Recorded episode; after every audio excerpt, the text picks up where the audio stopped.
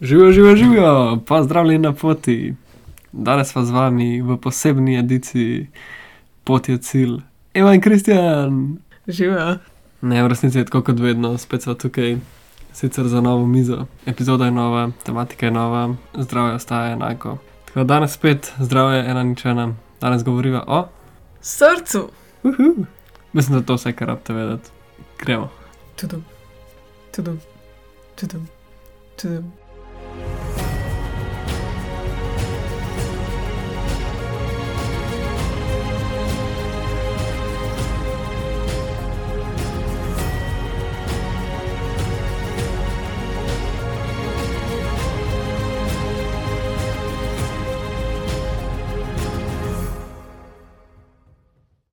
Alrighty.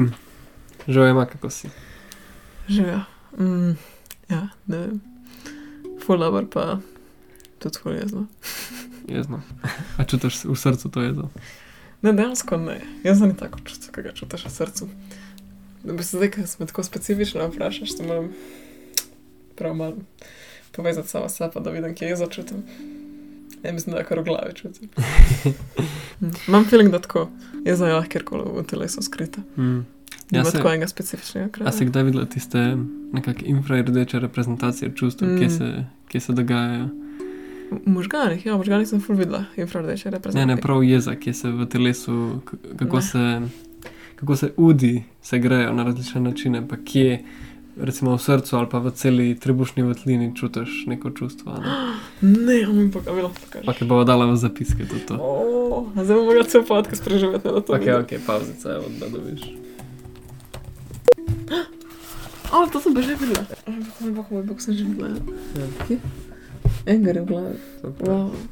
Ok, za začetek standardno vprašanje, kaj srce, kako deluje, iz česa je sestavljeno. Mm. Ja, srce je organ. In vsi vemo, kje ga imamo, ga imamo, imamo ga v prsnem košu. Mal nagnjeno na levo stran, dejansko v sredini, ampak nagnjeno na levo, spodnjim delom. Kako deluje? To je pa umetniško vprašanje pri srcu. Srce je incredible, srce je najbolj neverjeten organ na svetu. Samo po sebi zgleda kot ena pest, iz katerega izhajajo žile ven. In notranjost je votla, ampak razdeljena na štiri votline, štiri dele. In mi potem rečemo, da imamo levo, pa desno stran srca. Sprav, če ga razdelimo na pol, in potem vsaka od teh dveh polovic ima svoj atri in ima svoj ventrikel. Se pravi, to sta slo po slovensko bi temu rekli predvor in prekat. Se pravi, mi imamo dva predvora in dva prekata. Zdaj meni je veliko lažje uporabljati latinsko ime atri in ventrikel, tako da bom kratko govorila, upam, da ne bo za koga moteče. In potem ima vsako sr- srce še štiri zaklopke. Ja, se pravi, imamo štiri predele srca in te izgledajo tako, da v vsako, v, vsak, v oba atrija, oba atrija prihaja, prihajata do vodni žili, ki prinašata kri v srce. Ta kri bo šla v atrij in iz atrija se bo stisnila v ventrikel in iz obeh ventriklov se bo potem kri stisnila v odvodni žili, ki bosta odnesli kri. Se pravi, v atrij kri pride, iz ventrikla kri gre. Zakaj pa imamo dve polovici srca, zakaj rabimo dva prostora, kamor bo kri prišla in odšla? To je pa zato, ker dejansko desna polovica prejema kri iz telesa, se pravi, deoksigenirano kri, kri, ki je bila že porabljena, ki je že dovedla kisik in hranila organom in mišicam in vsem delom našega telesa, in se je potem izpraznjena vrnila v srce. To pride v naš desni atri, ga v desni ventrikl in z desnega ventrikla se stisne v pljuča. V pljuča, kjer, kamor se gre oksigenirati, kamor se gre nazaj napolniti z kisikom. In potem v levi atri, v drugo stran srca, se bo kri stisnila, eh, se bo kri vtisnila v srce v, iz pljuč in ta kri bo polna kisika. In potem čez levi ventrikl se bo stisnila nazaj v, v telo, polna kisika. Se pravi, v bistvu zelo tako. Um, na nek način malo zakomplicirano, ker vsi si predstavljamo, da ko vidiš sliko žil, narisano sliko žil, so vse arterije, ki imajo oksigenirano kri narisane z rdečo barvo, in vse vene, ki imajo mm, deoksigenirano kri narisane z modro barvo. Ampak to ni čist kot le pri srcu, ker dejansko imamo, imamo vene, ki, ki pri- kri prinašajo iz pljuč v srce. In to so vene, ampak so oksigen, imajo noter oksigenirano kri. Kaj bi bila pa razlika med arterijami in venami? Ja, hvala za vprašanje, sem glih hotela povedati. Arterije pa vene sta obežili, po obeh se pretaka kri, ista kri, samo v različnem času svojega procesa potovanja. Z edino razliko v tem, da arterija je žila, ki ima veliko debelejšo žilno steno, veliko več mišic ima, veliko močnejša je in to zaradi tega, ker arterija mora prenašati pritisk srca. Se pravi, ko srce stisne, pa srce ima ogromno moč. Dejansko pravijo, da, mislim, pravijo, dejansko je tako močna moč, da če mi damo, če bi mi tako pumpo porabili, kot je srce, bi naša kri špricala 6 metrov v zrak, če ne bi imeli nobene omejitve od kri. In predstavljaj si, kakšen pritisk to naredi na žile. Mi imamo res Mhm. konkretno močne žile. In arterije so žile, ki so dina- dizajnirane in zgrajene na tak način, da ta pritisk brez problema prenašajo. Medtem ko vene, vene imajo pa čisto tanko steno. Če ti pogledaš to na um, primeru trupla, oziroma ne rabimo niti primera trupla, če mi to pogledamo znotraj človeka, je to tako zgleda, da je arterija tako odprta, čvrsta žila, vena pa kar tako kolabrira skupaj, skupaj pade, ker je, če nima krvi noter, nič ne drži. Dejansko je prazna žila. Tako da ja, to je dejansko razlika. Ful zanimiv primer. Um, si podala, bi mogoče vedela, kako bi pa to bilo recimo za žirafo. Absolutno ne. Ampak me pa zanima pogled. No, zdaj, ko smo razjasnili, kaj so arterije in vene, lahko povem, da meni se zdi, da v, splošni, v splošnem znanju v populaciji si predstavljamo, da so arterije tiste, ki imajo Uh -huh. kri s kisikom in vene tiste, ki nimajo kri s kisikom. In v večini primerov je to popolna resnica in čest res, samo pri srcu je ta izjema, da dejansko, ko, ko srce, ko desno srce potisne kri v pljuča, bo potisnilo kri, ki je pa šla direkt iz telesa in to je de- deoksigenirana kri. Ampak ta kri nima kisika, ampak vseeno pa mogla je to žilo, ki bo mogla prenesti pritisk iz tisa srca. In Mhm. zato bo ta kri deoksigenirana šla v arterijo, v pljučne arterije, ki bo dovedla deoksigenirano kri v pljuča. In potem se bo po pljučnih venah vrnila nazaj v srce, oksigenirana. In Mhm. tukaj je pa glih obratno. Uh -huh.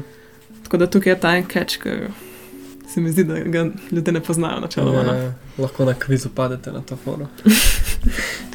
Ne vem, kakšne kvize rešujete. ja, no to. Tako da to je tak en fizičen opis srca. Pol srce ima noter štiri zaklopke, dve od teh se nahajate na velikih arterijah, na žilah, se pravi, ena bo na pulmonarni arteriji in ena na, na aorti. In namen teh zaklopk je, da kri ne teče nazaj, se pravi, ko jo srce stisne v žilo, se zaklopka zapre in ta kri, ko- ki je šla v žilo, ne bo mogla nazaj steči v srce. Drugi dve zaklopki pa se nahajata med atrijem in ventriklom, se pravi med obema atrijema in ventrikloma.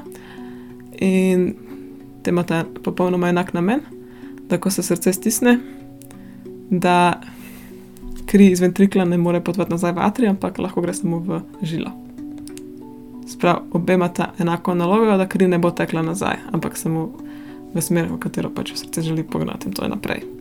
Tako ja, to je en tak fizičen opis srca. Cool. Kaj pa fiziološko, kaj se na to odvija v resnici? O moj bog. To je lik stvari, fule dobro. Ja, ne gre samo noter, cap, cap do, do pljuč, pa pride nazaj, pa spet cap, cap, pa do telesa. Ne, sej, to, to je bistvo, to je bistvo. Okay. Ampak srce je tako zanimivo, ker srce ima svojo električno aktivnost. Mm. In če ti povem, a se vedo to, da če mi odstranimo srce iz vseh živcev, ki ga povezujejo z možgani, če imaš samostojno srce, na noben način povezano z možgani, se pravi, nobeni živci njega, njega ne diktirajo, ima on samo vse še vedno celice, ki tvorijo svoj lastni električni puls in srce bije. Če jaz prijemem srce v roko, bo bilo v moji roki, tudi če je ne povezano na možgane, če bo imelo dovolj krvi. Sem se tako predstavljal, tako da mi je všeč, da sem se prav predstavljal. Pa sem te v bistvu hotel pa malo kasneje, ampak se zdaj ti navezala vprašati, um, kaj pa to David Jones srce je pač čisto realno v tisti skrinci. Pač, sicer ne bije pač navadno človeško srce leta in leta, ampak kaj, a to bi kar še bilo pol, ne vem, nekaj časa. Ampak dejansko pač, če, če sprimem. Ti strgam ven srce, porežem žile, ga postavim na mizo, koliko časa bo kle še bil. Jo, Mislim, ne tako, vem. tak, tak delo. Brez hrane bo dosti hiter ne ubiti. Mhm. Jaz se zdaj ne predstavljam, kaj to pomeni, o kolikih sekundah, minutah govorimo. Si predstavljam, da bi tam bilo med 20 sekund pa eno minuto, ampak to je popolnoma za prevert, absolutno nimam pojma.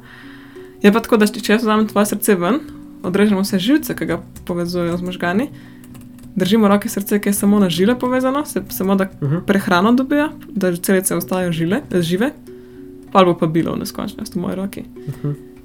In ja, naši možgani seveda upravljajo, s kakšno hitrostjo bije naše srce. Živci prihajajo do srca in dajo navodila, ampak oni v bistvu edino, kar živci delajo, je dajo navodilo, ne- da ne srce bije hitreje. To je vse hitreje ali pa pač z normalnim ritmom. In stvar je v tem, da mi imamo celo, celo ogrodje, električno ogrodje v srcu.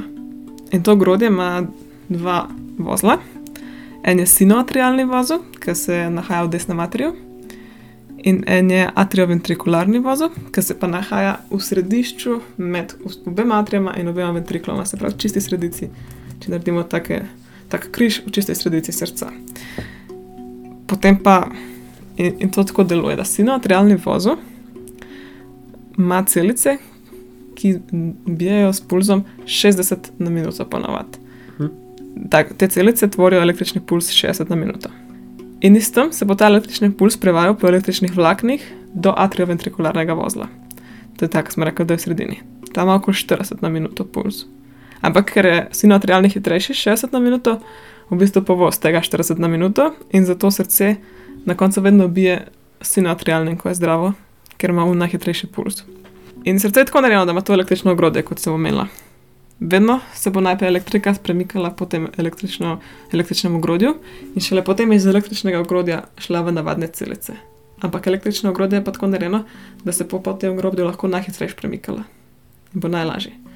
In to ogrodje se prav potuje od sinoatrialnega vozla, ki je v desnem atriju, v čisto središče srca, med, med desnim in levim atrijem in med desnim in levim ventriklom, in potem potuje iz tega atrioventrikularnega vozla dol med ventrikularnima stenama, čist do dna srca, do apeksa, to je v bistvu ta špica na dnu srca, in iz tam se razveji, da objame ventrikle iz vseh smeri. Tako dejansko potuje to ogrodje. Kar je pa ful, ful, ful fascinantno tle, mogoče moja najljubša stvar pri srcu. Aha, ja, to bi še rekla, da vse te celice električne imajo svoj puls, s katerim bijajo. In tudi ta vlakna, ki potem prihajajo dol in objamejo ventrikl, imenujemo jih porkinjeva vlakna, oni bijajo normalno z 20 na sekundo. Sem spet, ker je sinoatrialni najhitrejši. 20 na minuto, ja, hvala ti. Ker je sinoatrialni najhitrejši, povozi vse ostale in zato se morajo vsi potrditi sinoatrialnemu in na koncu celo srce bije po 60 na minuto. Če pa bi sinoatrialni nehal delati iz kakšnih razlogov, bi pa potem atrioventrikularni recimo prevzel, ker je drugi najhitrejši in bi potem po njegovem pulzu celo srce bilo. In to tako je, in to narekuje, to, je, to se dogaja vse čas. V celici narašča potencial, pada potencial, narašča potencial, pada in zaradi tega srce konstantno bije. In te celice se konstantno prožijo, nikoli se ne nehajo in zato srce samo bije. In kaj se zgodi, je to, da mi, ko dobimo kri v atrije, v srcu, jih moramo iz atrija poslati v ventrikle. Ker šele iz ventrikla bomo lahko kri stisnili v, um, v telo, oziroma pljuča, kamor stiskamo, se pravi v ne srca. In a veste, ker ima srce ima dva zvoka, TD. To je za, zapiranje dveh zaklopk. To so zaklopke, kar se sliši. Ne? Imamo za zapiranje atri, atrioventrikularnih zaklopk, to je en T, D je pa zapiranje žilnih zaklopk. TD, TD, TD. Mm. In srce se ne, sklop, ne skrči celo naenkrat. To je bistvenega pomena. Če bi se srce skrčilo celo naenkrat, ne bi bilo dobro, ne bi delovalo dobro, Mhm. ne naredi svo, svoje funkcije. Ker ko mi dobimo kri v srce, jo dobimo v atri. In najprej se mora atri skrčiti, da bo kri iz atrija poslal v ventrikl. In šele ko kri pride v ventrikl, se mora skrčiti ventrikl, da bo iz ventrikla kri poslal v žile. Ker če se v atriju skrči, če se atrij pa ventrikl skrčita naenkrat, kam Kam bo šla kri? Ja, exactly. In zato je ta električna prevodnost, ta ogrodje električno je genialno narejeno. Ker začne se, kot sem rekla, v desnem materiju. In to je super hitro. Ta prevodni sistem deluje ful dobro. In stisne, stisne, um, stisneta se oba atrija, porine ta kri dol, porine ta kri v ventrikle, potem slišimo prvi, to se zaklopke zaprejo, ampak in v tem trenutku pride električni um, potencial, ki se premika po električnem ogrodju, pride do atrioventrikularnega vozla. In tukaj se zgodi ta full dobro catch. Atriji in ventrikli ogrodje, ki eh, električno poteka med njimi, je popolnoma ločeno. Sprav, atrij ima svoje električno ogrodje in ventrikl ima svoje električno ogrodje. Edina točka, kjer to električno ogrodje je povezano, je v atrioventrikularnem vozlu. Zato edini način, da ta električni potencial, ki uspodbudi, da se srce skrč, pride do ventrikla, je, da gre čez atrioventrikularni vozel. Hmm. Ta vozel ima pa tako narejene celice, da se v njemu malo zablokira, pride do pauze, pride do malo zamika. In električni potencial rab zelo dolgo, da potuje čez atrioventrikularni vozel. Rečem zelo dolg, v resnici je zelo malo, ampak za pojme srca je zelo dolg. Mislim, da je 100 milisekund zamika, nekaj prav velikega v resnici. To bi bilo luško na pogled, ampak ok. Ja, tako kot si rekla, je cela nič 9 sekunde, približno. Ni cel nič 9 sekund. Ja. Se pravi, kar konkreten Kar zamik, ne? Ja. No, in ta zamik nam omogoča, da se atriji sk- skrčijo pred ventrikli. Mhm. In šele potem, ko so se atriji skrčili, ko so se atrioventrikularne zaklopke zaprle, da krivi iz ventrikla ne more več nazaj v atrij, bo prišel električni signal čez atrioventrikularni vozu in potem zelo hitro spet naprej, ker od tam naprej pa potem lahko potuje spet normalno, v cel ventrikl in potem se boste skrčila ventrikla. In s tem smo dosegli, da se je vsa kri najprej premaknila v ventrikl, in šele potem se je ventrikl skrčil in vso kri, ki se je tam nabrala, ima možnost poslati um, naprej v žile. To je magično, to je res nevrjetno dobro narejeno. Super. In pol, in pol, kar pač mi merimo EKG, dejansko sam merimo to prevodnost po srcu, oziroma Ja. te električne potencijale v različnih smereh, zato imaš pol 12 možnih EKG-ov, Mm. mm. ki jih lahko dobiš, glede na to, kako meriš to. Točno tako. Mi imamo v bistvu standardiziranih 12 EKG, kot si ti rekel. Mhm.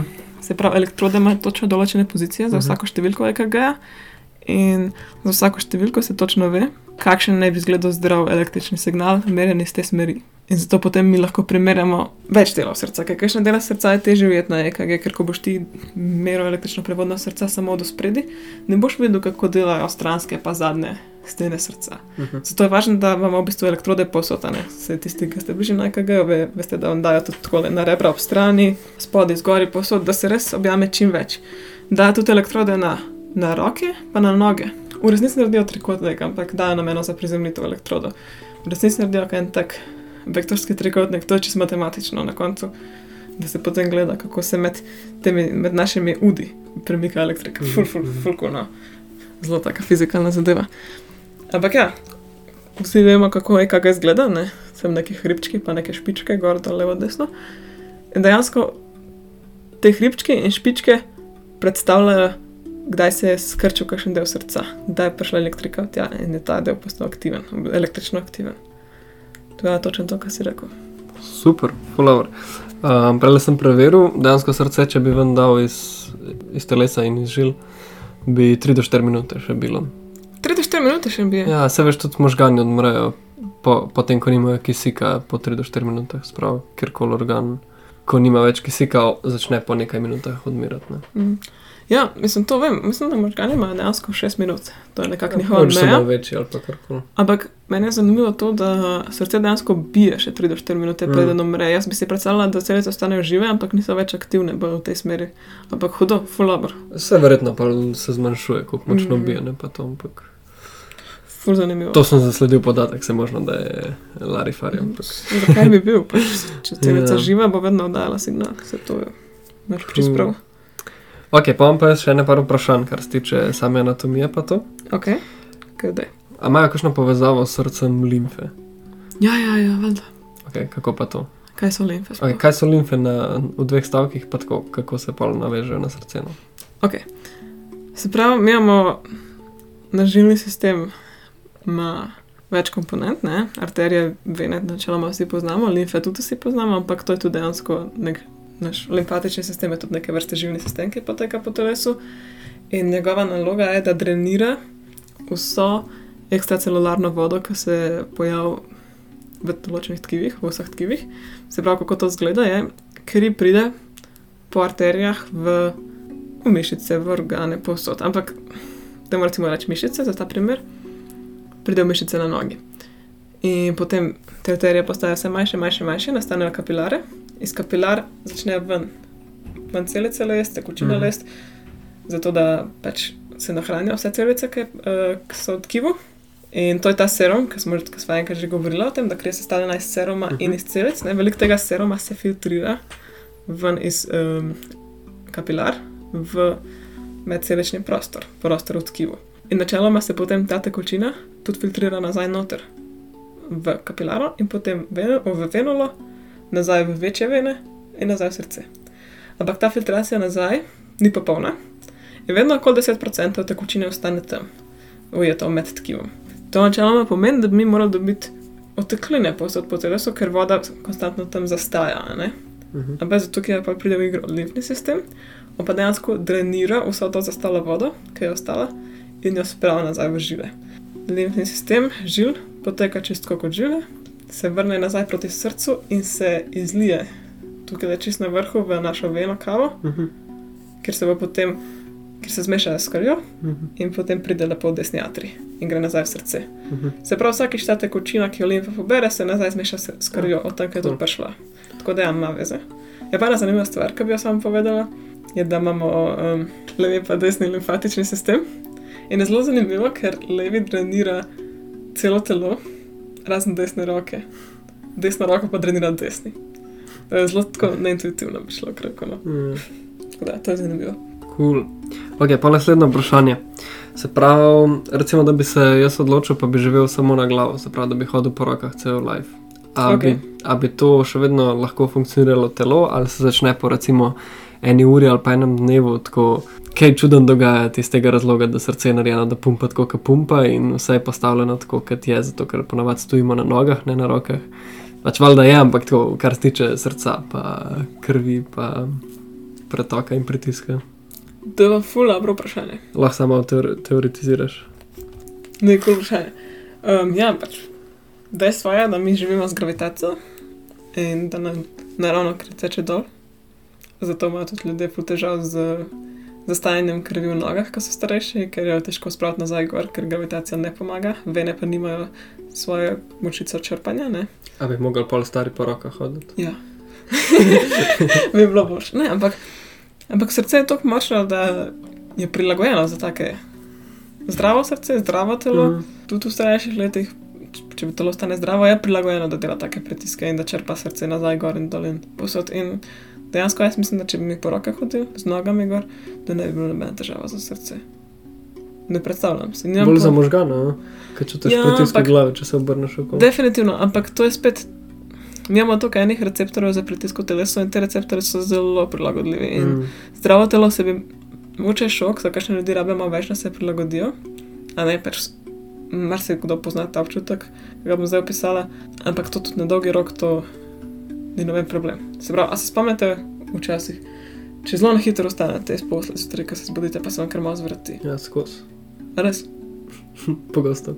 res, no, no, to, to imajo starejši ljudje z- zelo veliko, zaradi tega, ker imajo ta telebar receptorje, ki jih imamo v vratu, ki zaznavajo um, pritisk, že malo utrujene.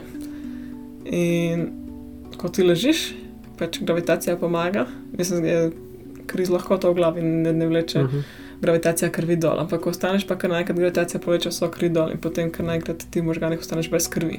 In če tvoji baroreceptorji niso dovolj odzivni, ti bo zelo veliko krvi kar naenkrat padlo iz možganov dol, Mhm. se ti bo zvrtel. Če pa so baroreceptorji zelo odzivni, bojo hitro stisnili žile in ne bojo pustili, da bi padlo dol. Mm. Čez nekaj časa se pa prilagodiš, ne. Polka ostaneš, se ti Čez zvrti. 3 sekunde. Ja, 3 sekunde si v redu, 10 sekund si v redu. Mogoče starejši ljudje se morajo stesti na stol, pa ostanejo, ampak so v redu.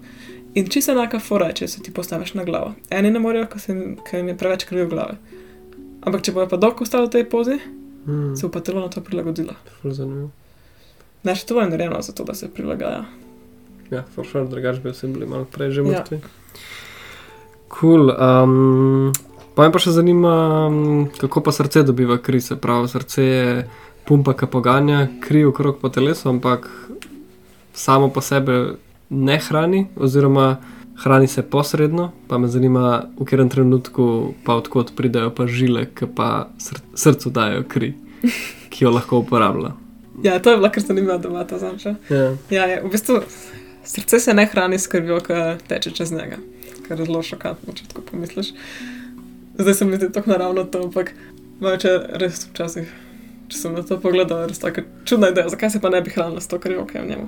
Ampak stvar je v tem, da, da se nek organ hrani, hrani s, eh, z, s krvjo, da je zadosti prehranjeno, mora kri res priti v male kapilare in te kapilare mora biti razvejane v vse prostore med celice ne? To, da se kri dotika stene, lahko se stok, uh, srčne stene, se lahko s to krvjo hranijo samo celice na periferiji te stene, ne v noter. Mhm. In zaradi tega, ko se oksigenirana kri iztisne iz levega srca v aorto, ima aorta en mali odtok, eno arterijo, ki potem gre okoli srca in hrani to srce. Sprav dobi najboljšo kri. Dobi čisto svežo kri. Odlično. Delno, ja. In ta, te, te arterije, ki potem izhajajo iz aorte, se razvijajo okoli srca in ga nahranjujejo povsod. In imamo tudi zraven arterije, potujejo tudi vene, ki pa pač potem vračajo nazaj kri, ki je bila prečiščena. Ne, um, kri, ki je deoksigirano kri. In tako se tudi zgodi infarkt. Ne? Vsi poznamo, Mhm. kaj je infarkt. No, in do infarkta pride tako, da se ena od teh žil, ki pa srcu dovaja hrano, zablokira. V njej nastane plak, v njo pride kakšen tromp ali pa karkoli. In potem, ker naenkrat ta žila je zaprta in določen predel srca ne dobi več krvi. In v tistem trenutku srce ne more več funkcionirati in temu rečemo infarkt, ker srce, srce ustav, ne dobi hrane, odmre. In včasih sploh srce se ne ustavi, včasih se mu oslabi, pa ljudje dobijo angino pectoris. To je zelo pogosto pri starejših, to je takrat, ko se ti naberajo zelo veliki holesterolni plaki, ki zapirajo več kot 70% teh dovodnih žil, ki srce hranijo. In potem srce dobi omejeno količino krvi za prehrano. Ampak ta količina krvi je v normalnih situacijah popolnoma v redu, se pravi, ko jaz pa te sediva tukaj, nama več ni. Če pa se potem ljudje, ki imajo ima take plake, ki zauzemajo več kot 70% volumna krvi, volumne žile, če taki ljudje potem grejo po stopnicah, tečejo, delajo kakšne stvari, pa zelo hitro postanejo utrujeni in čutijo to ostro, ostro, ostro bolečino v srcu. In ta bolečina je v bistvu rezultat tega, da srce ne dobi dosti hrane in Mhm. začnejo celice odmirati na nek način, ker so podvržene takim pritiskom. In temu rečemo angina pectoris in človek, ki to ima, mora dejansko na operacijo, ker mora širijo žile, da potem lahko spet normalno funkcionira. Oziroma, oni imajo tudi dejansko zdravila. Ja, jemljajo dušikov oksid in dušikov oksid povzroči um, vazodilatacijo, sprav da se žile sprostijo in razširijo, in potem kri tudi lažje pride. In to Mhm. pomaga ljudem, ki imajo angino pectoris, ima tako, tak sprejček in če oni začutijo kakršno koli bolečino, dvigne na jezik, pod jezik našpricajo dušikov oksid, ja, to se takoj upije v kri, čez ustno sluznico, takoj pride do srca in v minuti je v redu. Hmm. Odleže. Če pa je ta plak prevelik, ja, pa, pa nujna operacija. Hmm. Tokrat imamo spet za vas en skriti zvok, spet se lahko javite na Discordu, kaj, na Discordu, kaj mislite, da je to. In tisti, ki to ogane, dobi lepo in mikavno nagrado, še vedno bijočo dostavljeno od tukaj, kjer smo. Jaz sem jih razmišljala o srček, ki se kreje. veš. Ej, pa vemo.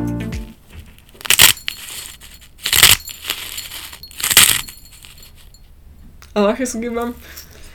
Nek ti si videla, lahko pa zapreš oči, pa ogibaš. Ej, tu dejansko težko če zaprašiti, kar naenkrat tako je, zelo ne vem več kaj. Cool. Ok, da nadaljujem jaz z mojimi vprašanji. Imam še eno, pa pa se lahko lotva obolen in tako.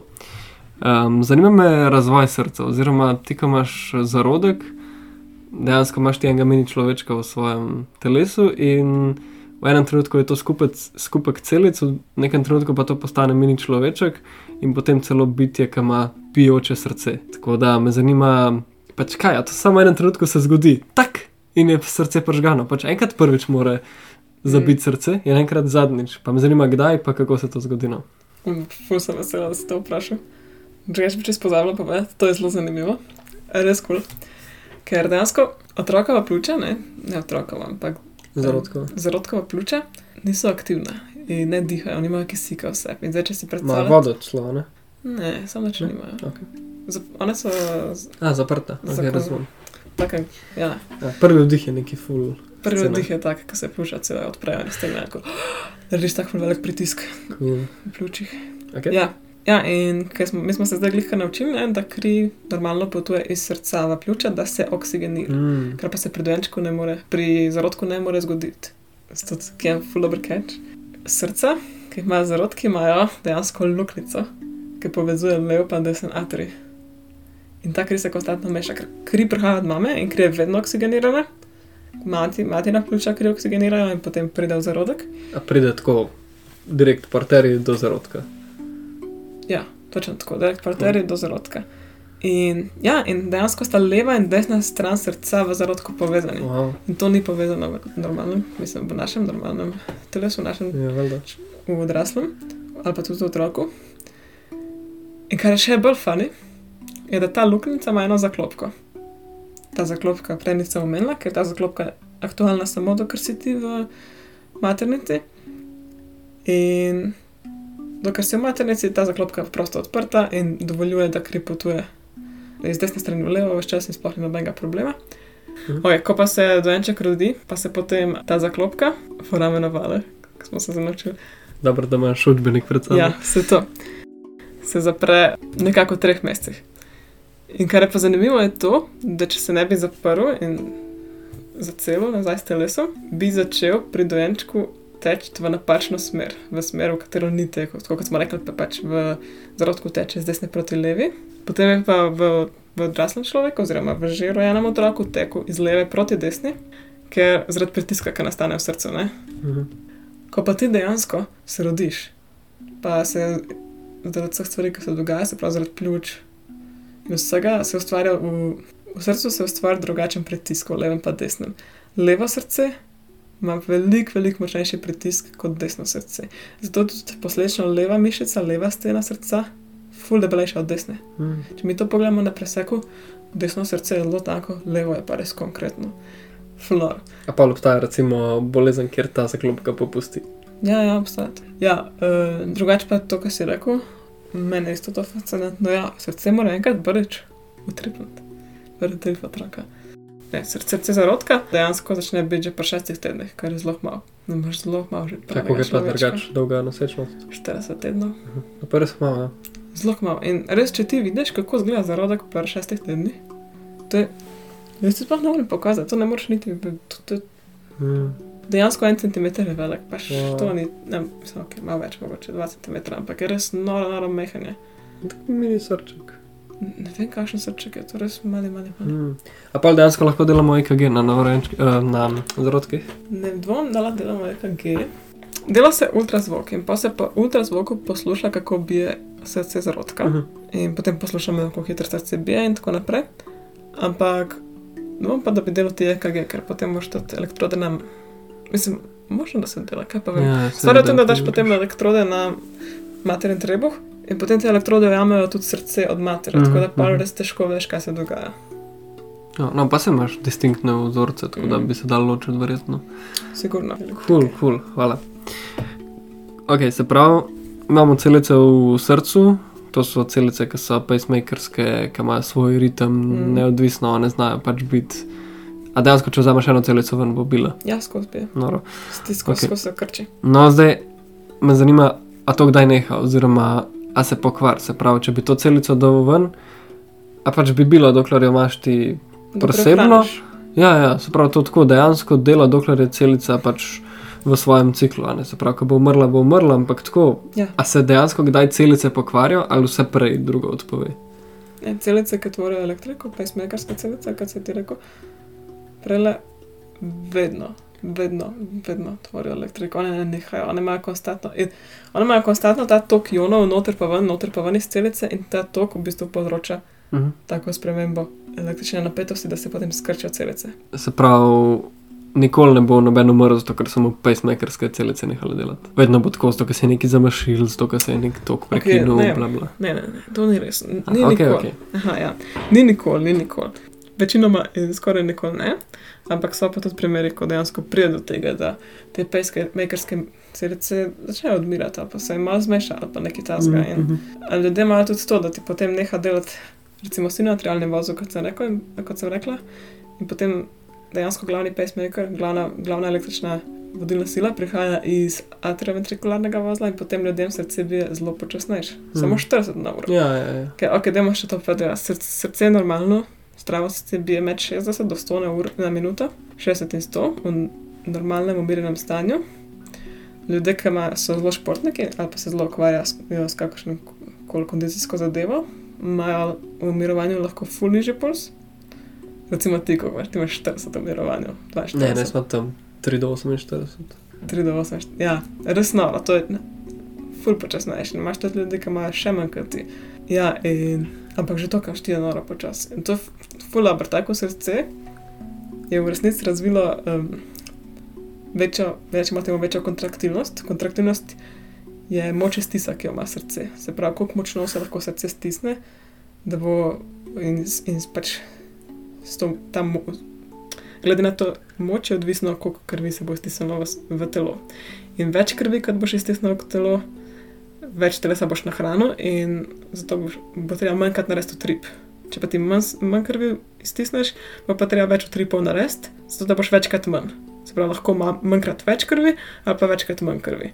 In ljudje, ki so zelo športniki, trenirajo mišico srca, kot vse ostale mišice, in v tej mišici se potem razvije veliko več celic mišičnih, zaradi tega dobi večjo moč, večjo kontraktilnost in lahko poganja, eh, in lahko srce iztiska več krvi. In pa imamo pač srce, ki v mirovanju bije počasneje. Kaj pa potem vpliva na to, kako hitro srce bije? To pa ni odvisno od pacemakerskih celic, to je pa odvisno od dejansko Mhm. živcev, ki prihajajo iz možganov. In oni določajo, mi imamo pač simpatične parasimpatične živčeve, ki potem narekujejo tel, um, srcu, ok, zdaj pa je kriza, bi hitrej. Ok, zdaj pa je mir, pa nehajo dajati impulze, da bijejo hitrej. Mm. Ok, no in če se vrnemo zdaj na, na odmiranje uh, sinoatrialnega vozla oziroma pacemakerske celice, se lahko zgodi, da potem telo primarno poganja z manjšim številom utripov, recimo 40 na minuto, in tako srce pa ne dovaja več dovolj krvi telesu. Telo se potem počuti, hitro se počutiš črpano, hitro te boli, kaj, hitro si zelo si utrujen. Nekaj ni v redu, mi temu rečemo bradikardija, se pravi prepočasno bitje srca in Sicer živci iz možganov še vedno lahko, možganski živci še vedno imajo moč vplivati na to in še vedno ti lahko pohitrijo srce, ampak v naravnem stanju ga sami od sebe preprosto ne bojo. Vsaj večini, če ne pride do neke skrajne situacije, ne bojo. Tako da to je pa potem čas, da srce dobi pacemaker, se pravi umetno napravo, ki poganja te celice, da same od sebe bijo. Mhm. A, dejansko to pa se zgodi. Ja, ja, ja. ja. Mislim, zgodi se veliko stvari, ampak to je eno od razlogov. Načeloma umrejo tako od starosti, izčrpanosti ali bolezni ali vsega naštetega. Ne vem, v resnici.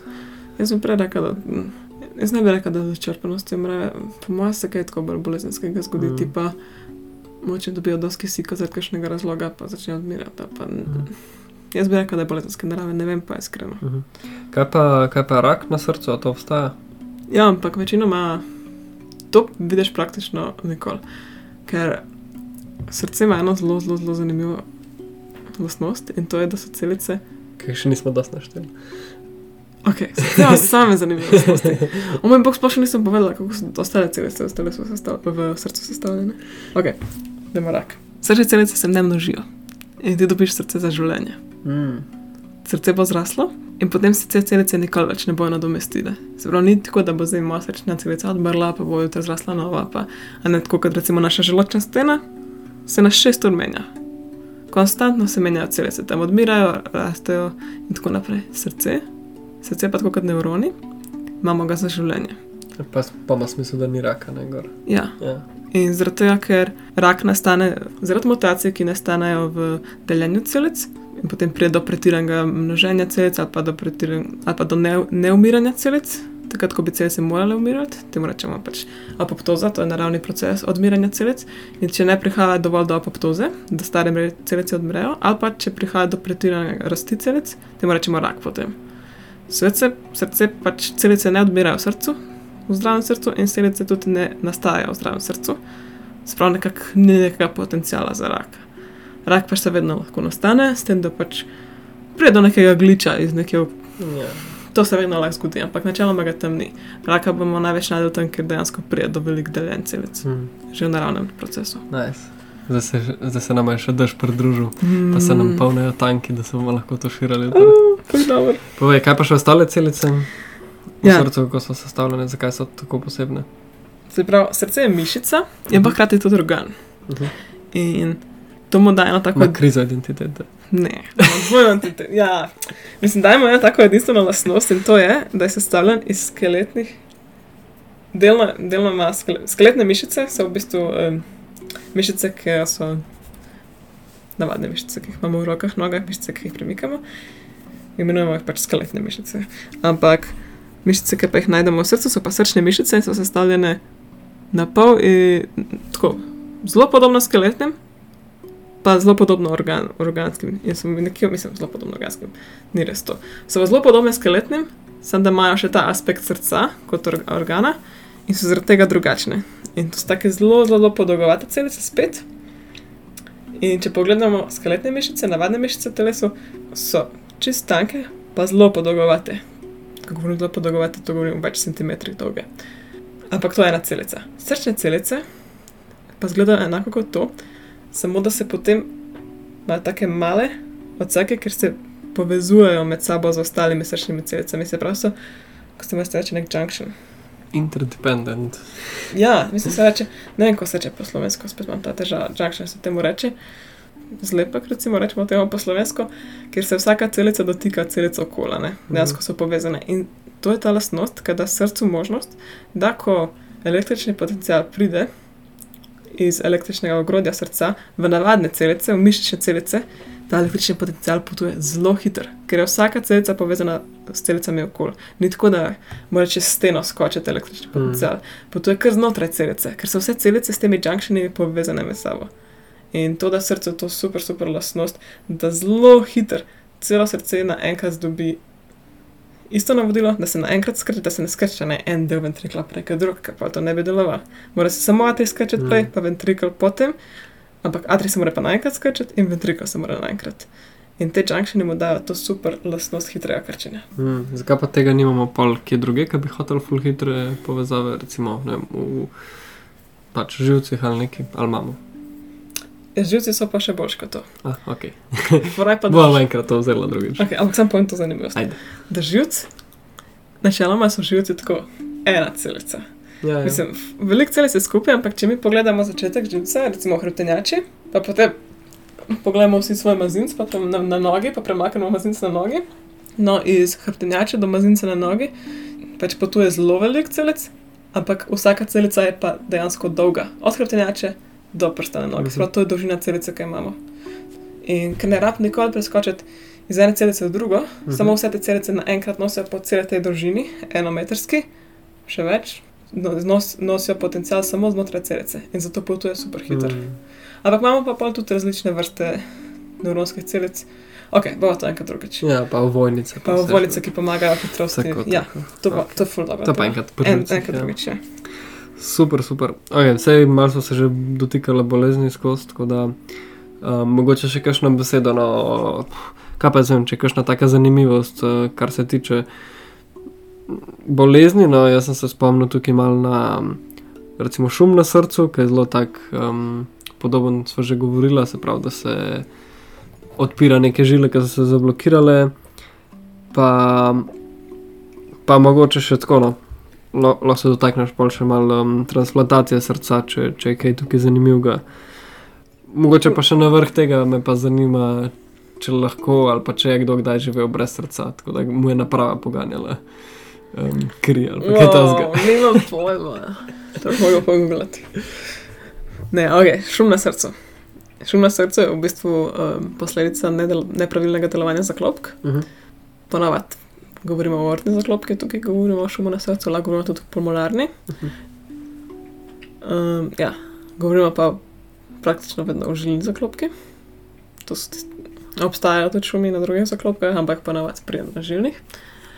In stvar je v tem, da se potem zaklopka ne zapre popolnoma. Mislim, ja, meni je razlog to, da ko srce utripne, požene kri v žilo in v teoriji se zaklopka zapre in zdaj kri ne more iti nazaj. Ampak, ko, ko imamo mi šum na srcu, se ta zaklopka ne zapre popolnoma in ostane ena taka luknjica. Hmm. In čez to luknjico kri steče nazaj in naredi š, ko kriz teče nazaj dol. In ta š, se dejansko slišiš, ti narediš kot tutuš, tutuš, tutuš. A ga slišiš s stetoskopom? Ja, ja, ja. Mhm. Super se slišiš. A ga slišiš tudi z ušesom? Um, takrat, ko imajo ljudje res hud šum, ja. Mhm. Če imaš zelo mil šum, ga je težko slišati z stetoskopom. Ampak nekako nas so filtrirali, da to slišimo, včasih je tako. Bog pomaga, jaz nimam pojma.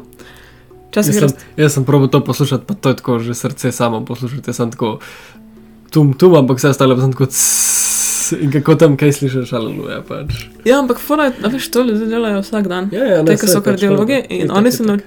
Veš, kako imajo s kimi 50 odtenkov bele in imajo dejansko 50 imen za belo barvo. A, Veš, kako kar- se kardiologi naučijo slišati? Ja, ja, saj, saj. To je vaja, Ja. meni se isto včasih zdi neverjetno. Ja, ampak dober šum, mislim, dober šum, noben šum ni dober, ampak tisti šum, ki je malo bolj napredovan, se res dobro sliši. Hm. Ker res naredi tu tum in ta drug tum, ki je zapiranje žilnih zaklopk, ne, takoj potem tum slišiš tak š in je tu tuš, tu tuš, tu tuš, tu. No, zdaj to ne znam igrati, meni ne gre tako dobro to. Ampak ne diše, no, da besedno, ker kriz teče nazaj.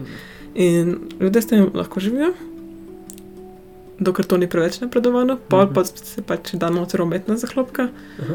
ki pomaga uh, srce, ki pomaga pač sr eh, srcu, da Aha. lahko boljš deluje, da kri ne teče nazaj. Jaz sem slišal, da tudi lahko samo z enim balončkom pridejo, pa neki tup naredijo, kaj pa to. A možno da je šum, ki je druge, ker ni zaklopka, pa da je sam recimo tako šum, ki gre ob kašni srčni žili. Um, malo drugače. Mislim, šum slišiš tudi, če je žila zožana, take stvari. Ampak v bistvu nimam pojma, kaj je to, da bi šum popravil z balončkom. Z balončkom se odpirajo žile Ja, ponovadi. ja, to, to, kar se zdaj vprašam. Tako da to je mogoče ne šum na srcu, ampak šum tako. Če je žila zožena, potem srce ful težko, uh, kri ful težko potuje in Ja, ja, res se sliši ta špol. Lahko tako podaš na vrat, recimo. Ljudje imajo zožene žile na vratu, pa lahko slišiš. Ja, ja. Ali pa, če imaš zaklopko v orti, kvarjeno, lahko tudi na vratni žili to slišiš. Mm, mm. Če ful, se lepo prenese, ne? In moš pa vedeti, kaj poslušaš. Ampak ja, če imaš žilo sk- skrčeno, če imaš žilo zaprto, pol pa se to z balončkom dela. Ja, Mm. tako. In to tako zgleda, da ti ponovadi grejo, recimo, tle, ko imaš dimlje, ali pa na roki. Ja, ja, ja, Na roki ti grejo noter z eno, kako bi ti mu rekel, poznati celko, malo. ja. In jo porivajo vate po, po žili. In na koncu ti je kaj kamera. In oni pač potujejo po tvoje žili, zavijajo prave žile, da pridejo do tam, kjer treba žilo razširiti, Cool. da pihne bolček na koncu. V kakšnih primerih, velikrat potem dajo tudi mrežico tam. Se pravi, to celko pripeljejo na koncu kovinsko mrežico, ko ko pride do konca, jo napihnejo, ta mrežica se odpre Pa podpiram. in potem ostane noter v žili in drži to žilo odprto. Mm. To velika dajo v koronarne arterije, se pravi, te arterije, ki srce hranijo. In to smo prej govorili, kako pride do infarkta. No? Če, ima ta, če imajo te eh, žile velike plake, potem pa navad pridejo in dajo Mm. uh, en, eno mrežico noter, da odpre. Cool. Zakaj koronarne žile, kam ima to veze s korono? Čist noč. Važi, a še kakšna taka zanimiva bolezen, pa nočem delati um, krivice komorkoli, ki ima kakšno od teh, ki jih ne bova omenila. Je full. ja. Srce je hudo. Srce ima res kul. Um, v bistvu zelo velike bolezni z, povezanih z, z električno prevodnostjo. Mhm. Tukaj pa pride do marsikšnih zanimivih stvari. Vse to, kar lahko na EKG-u pa vidiš, vse te male valovčke nekje, pa ti povejo, kaj je narobe, recimo. Ja, ja, ja. Mhm. Ena od takih stvari je atrijska fibrilacija. To se zelo velikokrat najde pri starejših ljudeh. Kaj pa se dejansko zgodi, je to, da atrije nimajo sinusni uh, vozov, ne dela, sinusni atrialni vozov, ne dela več nekih zdravih ukazov. Kdaj pač pacemakerske celice ne dajo več ukazov, kdaj točno se mora srce prožiti, in potem se proži kar vse poprek. Lahko se Mm. vse celice se krčijo neodvisno ena od druge. In zato se atrije nikoli ne, skleroš, ne skrči popolnoma in ne, nikoli ne stisne popolnoma krvi v ventrikl. Ampak v bistvu kar gre. Tukaj treba nekaj razumeti. To krčenje deluje na principu akcijskega potencijala. In enkrat, ko se krčenje začne, krčenje celic začne, se pač celica skrči do konca, pa se sprosti, pride v neko reflektarno dobo, ko pač ne more se skrčiti še enkrat, ampak takoj, ko pa pride ven iz te reflektarne dobe, se pa lahko skrči še enkrat. In zdaj si lahko predstavljate full celic, ki se kar vse krčijo in vse dajo druga drugi signal, da se krčijo.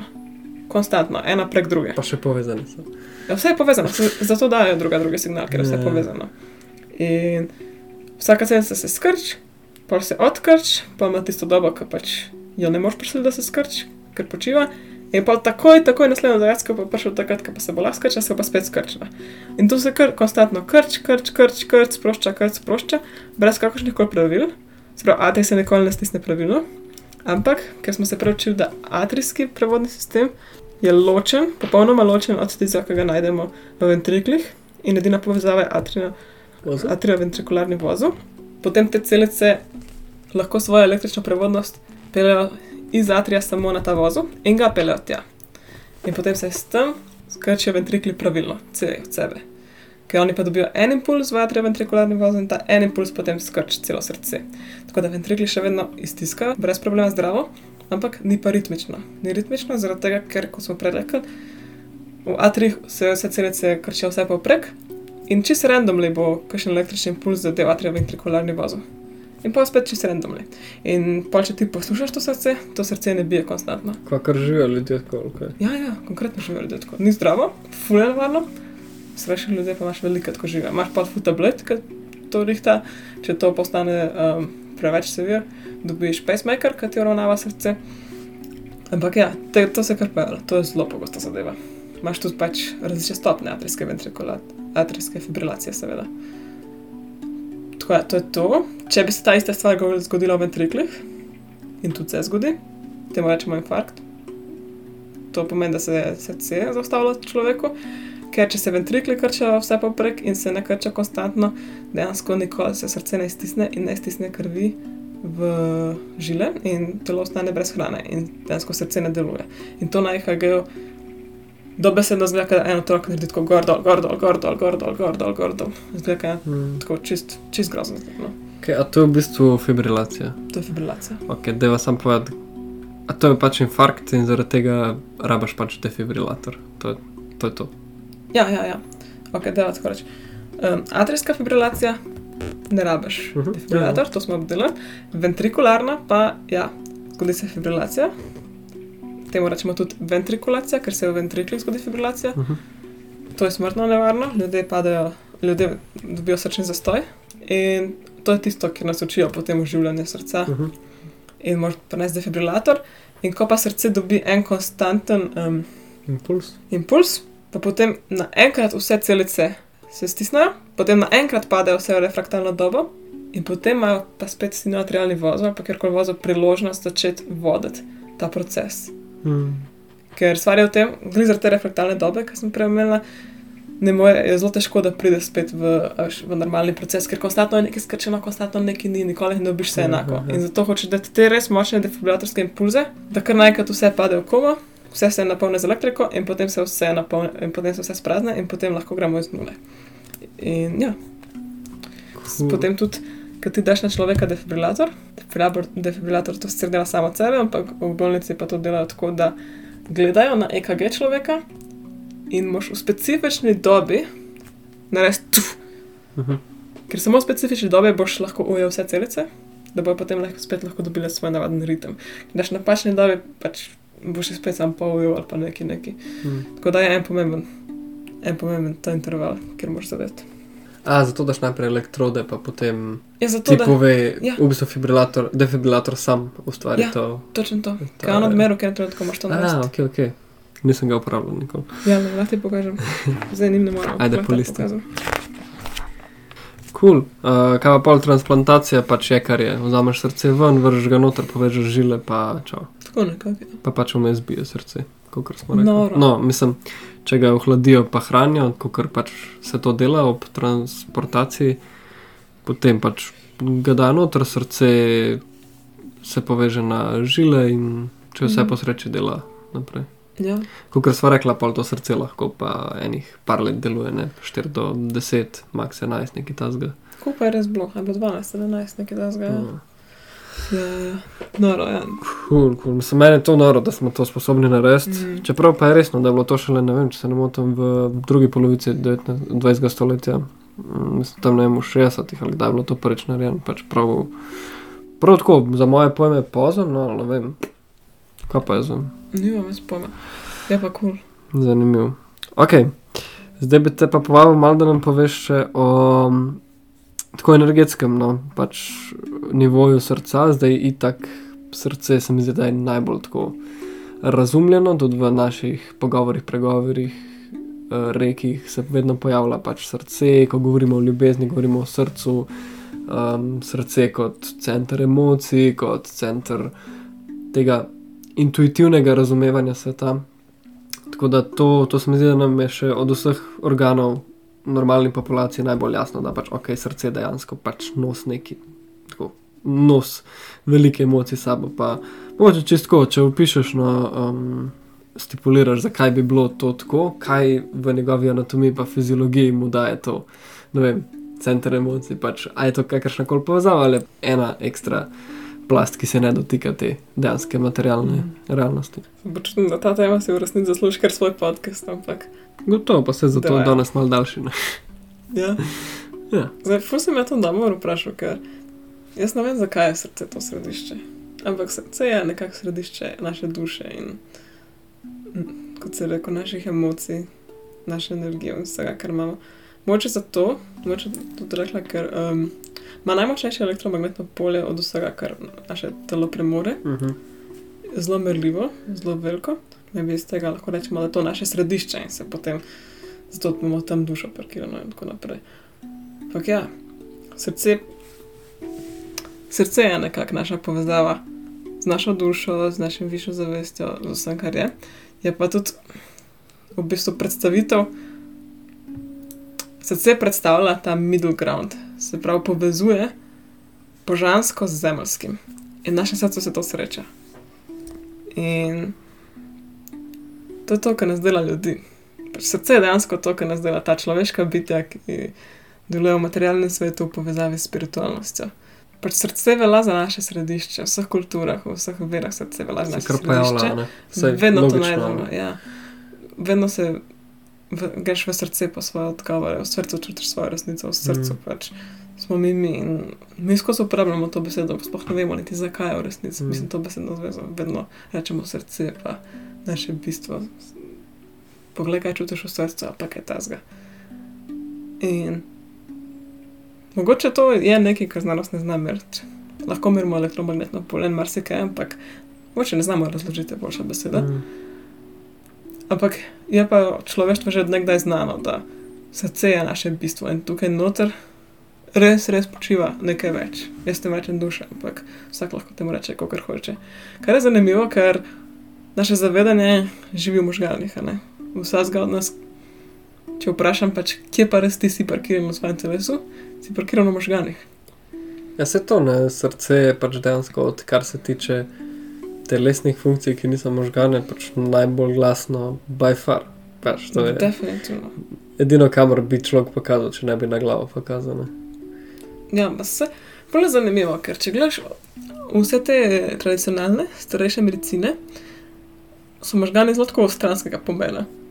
Mhm. Res tako srce je zelo, zelo glavni organ in je far bolj pomemben kot možgani, je še posebej za energijsko polje osebe. Ampak ja, danes res, da smo jim možgan povedali, da so možgani najpomembnejši organ na telesu. Ampak, recimo, če pogledamo kitajsko medicino, srce gledamo kot ognjeni, polni organ, ki je v povezavi s tankim črvesom in zadolžen je seveda za ljubezen, radost, um, ta užitek življenja. Tukaj, se, tukaj nastaja naša vročina, naša toplota, telesna, energijska toplota. Drugače, no, tako. In ja, je povezan z rdečo barvo, povezan je z našim okusom, kar je to zelo tako fiziološka zadeva. Naš okus, mislim, naš jezik je zelo povezan s srcem. Ampak res, iskreno, res ne vem, kaj naj ti povem. Pač res nimam pojma. Sploh tako, noč mi zdaj zdaj ne pade pamet, tako Lahko mi poveš, kaj pravi Louis Hay? Kaj, kaj srce predstavlja? Prav, če te srce boli, kaj to pomeni? A ne, a veš to, kar imamo ljudje z zlomljeno srce. Ja, ja. To je resnična zadeva. Mhm. Ljudje imajo zlomljeno srce. In to se tako fizično lahko vidi. In Na ljudje, kakšen način? srce slabš dela, srce Aha, aha. Ne, ne dobiva toliko hran, hranil in vsega. In ljudje lahko zbolijo in umrejo zaradi zlomljenega srca. To je, tako, to je zelo fizična zadeva.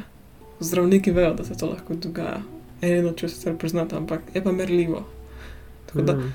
to je tako močno, čustva so tako povezana s srcem, da si predstavljate to, da imaš ti ljubezensko zlomljeno srce, ti dejansko si zmožen umreti od tega. V neki končni, končni fazi res slabi. Ja.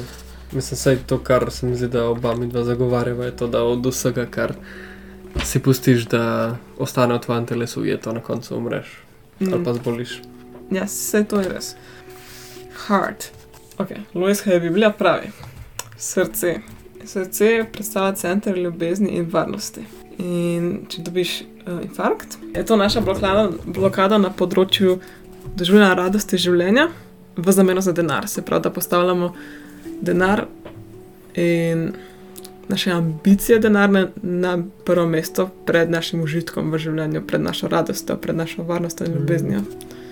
Tako da to prav, če imamo kaj prav za uh, srčne težave, za srčne težave, srčne probleme nasploh, pravi, da, to pa, da so pa dolgotrajni emocionalni proble problemi, ki so pač v srcu, poladi povezavo s tem, da nam primanjkuje radosti v življenju.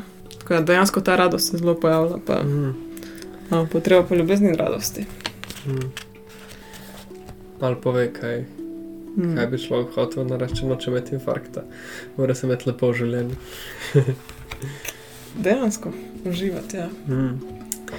Oj, pa imam v bistvu zares za konc, imam pa samo še eno vprašanje. A se ti zdi, da simbol, ki ga uporabljamo za srce, naredi kakršno koli, um, zadošča na kakršen koli način, tako srcu kot takemu? Pač se nihče ne ve točno, odkje je to prišlo, je veliko teorij obstaja, ampak tako ta srček simbol, kam ima to veze s srcem, ali pa kako bi, kako bi ti vidiš. No? Vsi smo že vedeli, kako srce izgleda. In vsi vemo, da nima veze z obliko srčka. Barva ajde, maybe. Barva ajnek, krvavcev. ja, ampak ko me tako vprašaš, meni se zdi zelo taka lepa reprezentativna oblika, ker veš, kaj sem rekla, srce je sestavljeno iz leve in desne strani in Mhm. vsaka ima atrij, vsaka ima ventrikle, se pravi štirih delov. In če ti lahko, če ti srček razdeliš tako na štiri dele, jaz si predstavljam tako, ne, da bi dal sredino, pa potem to sredino, ki je vodoravna, daš čisto takoj pod, Stik. pod stik zgoraj, ne? Pa pa res gleda, kot srce. Mm. One, one male joškice, gor so atrija, taka mala atrija, ker ima male atrije, spodaj pa tako dva velika ventrikla in v bistvu zgleda čist. Tako zelo dobro predstavlja, zdaj, ko me vprašaš, meni je všeč ta simbol, fuje lep. Uh -huh. Pa tudi tako za idejo srca, zato ker dejansko fiziološko anatomsko je, tudi kar lepo prikaže to, kar je. Mene, meni se tiče super. cool, cool. Jaz nočem živ risati, ker rišem srce. Je kul. Cool. Pa pa evo, še kakšna sklepna misel, kar se mene tiče, jaz sem vse izčrpal, pa vse sem zvedel. Pa še marsikaj več, kar me zanima, tako da. Ja, jaz, jo, jaz mislim, da je še toliko zapovedati, samo smem, da pa tako čez dve uri bom tako, joj, Kristjan. Ja, gotovo, gotovo. Vse Vse za, to zato to vse, ki to poslušate, pač, če imate še poln koš vprašanj, vprašanj samo najavite se na Discord, pa konc koncev tudi um, čist narediva epizodo samo z odgovori na vsa živa vprašanja, ki se jih niso dotaknili. Mm. Se strinjam pa še iskreno, pač z elefrontom to pa vhajam, da so še imeli stvari, ki bi se dotaknila. Sem za vse bolj dipa, veš, tako se so Gotovo, gotovo. komplicirane. Pa Tako tudi, da lahko tudi ni to namen tega. No. Ja, lahko ostanemo pri tem, mislim, da bo dosti jasno, da tako bogato tudi. Je kul, cool. pa Ja. pa lepo se majte, radi se majte, Mm. Objem ti svoj srček. pa naslišanje prihodnič. Čau, čau, živite, Adijo. Se beznijo.